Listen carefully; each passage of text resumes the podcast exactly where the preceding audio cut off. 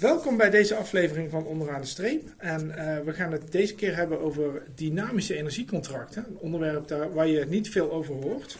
Uh, mijn naam is Frank van der Ven en in de studio naast mij zit directeur uh, Dirk-Jan Wolfert.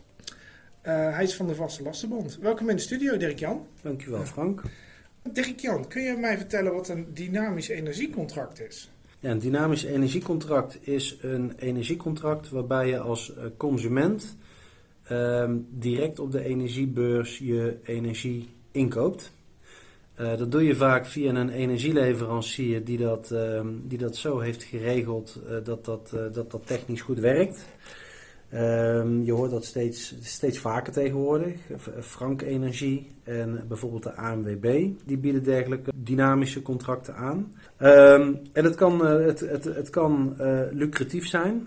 Maar je moet wel heel goed opletten wanneer je je energie verbruikt. Het is dynamisch omdat elk uur in principe je, eh, je stroomprijs anders kan zijn. Dus er wordt echt gekeken naar vraag en aanbod. En op het moment dat het aanbod hoog is en de vraag is laag, hè, er wordt veel geproduceerd, dan kun je tegen een heel laag tarief je stroom en je gas afnemen. En daarmee wordt in principe uh, vraag en aanbod beter op elkaar afgestemd. Omdat mensen hebben een financiële prikkel om op het moment dat stroom goedkoop is, juist stroom te gaan verbruiken. Uh, hoe, hoe werkt dat dan? Elke, uh, elke dag krijg je voor de opvolgende dag inzicht in wat de tarieven gaan worden.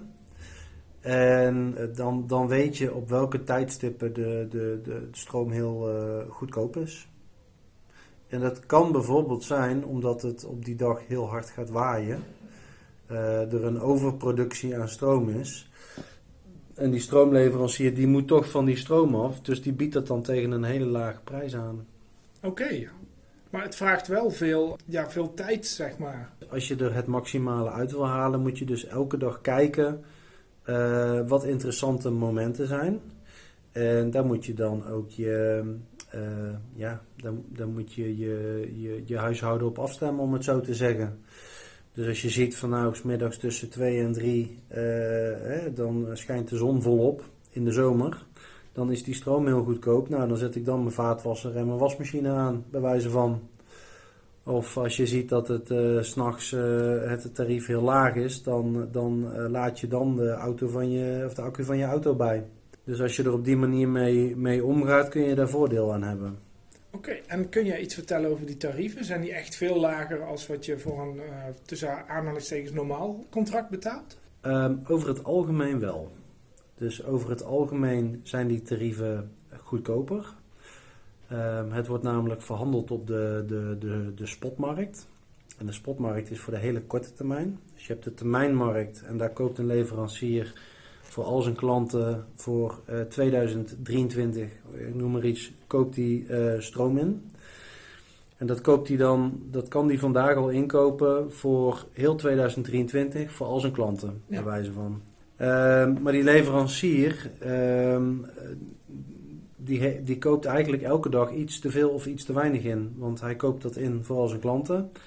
Maar hij krijgt de dag van, uh, voordat hij het daadwerkelijk moet gaan leveren, krijgt hij bericht van de netbeheerder. En de netbeheerder geeft dan aan, je moet zoveel stroom en zoveel gas toevoegen aan het netwerk. Die, netwer die, die netbeheerder die maakt daarvan een, een analyse, dus die kijkt naar trends, die kijkt naar het weer. Hè, is het koud, dan weten zij, nou, hè, ik noem maar iets, als het min 5 is, dan hebben we zoveel uh, kub ja. meer gas nodig.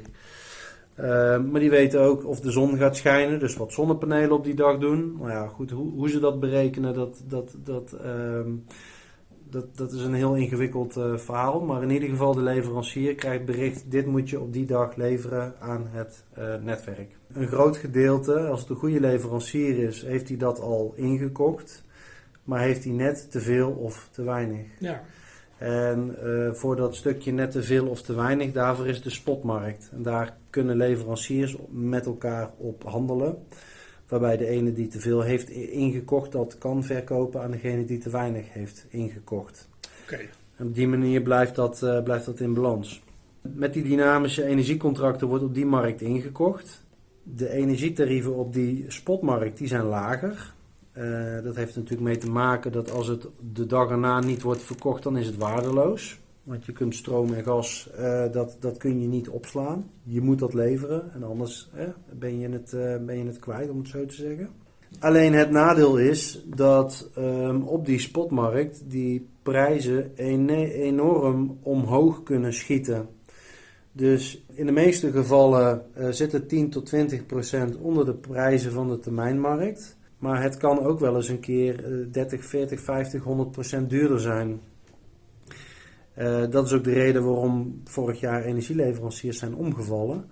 Als je het verkoopt tegen een vooraf vastgestelde prijs en je gaat inkopen in de spotmarkt die altijd een stuk goedkoper was, ja, dan kun je, kun je concurreren met, met, met andere partijen die bijvoorbeeld op de termijnmarkt inkopen. Want je zit altijd 10, 20 procent onder, de, ehm, onder hun inkoopprijs. Het is wel heel risicovol en dat hebben we natuurlijk ook gezien. Er zijn natuurlijk leveranciers omgevallen die volledig op dat model leunden. Uh, maar toen schoten ineens die spotprijzen omhoog en toen werden de verkoopprijzen, of toen werd de inkoopprijs duurder als waarvoor ze het hadden verkocht. Uh, dus elke kilowattuur en elk kuub gas die ze verkochten, kostte ze geld. Dan ga je als energieleverancier binnen no time failliet, want dat is niet vol te houden. Dus wat je nu ziet is dat die dynamische contracten heel erg populair zijn. Heel veel mensen vinden het uh, interessant.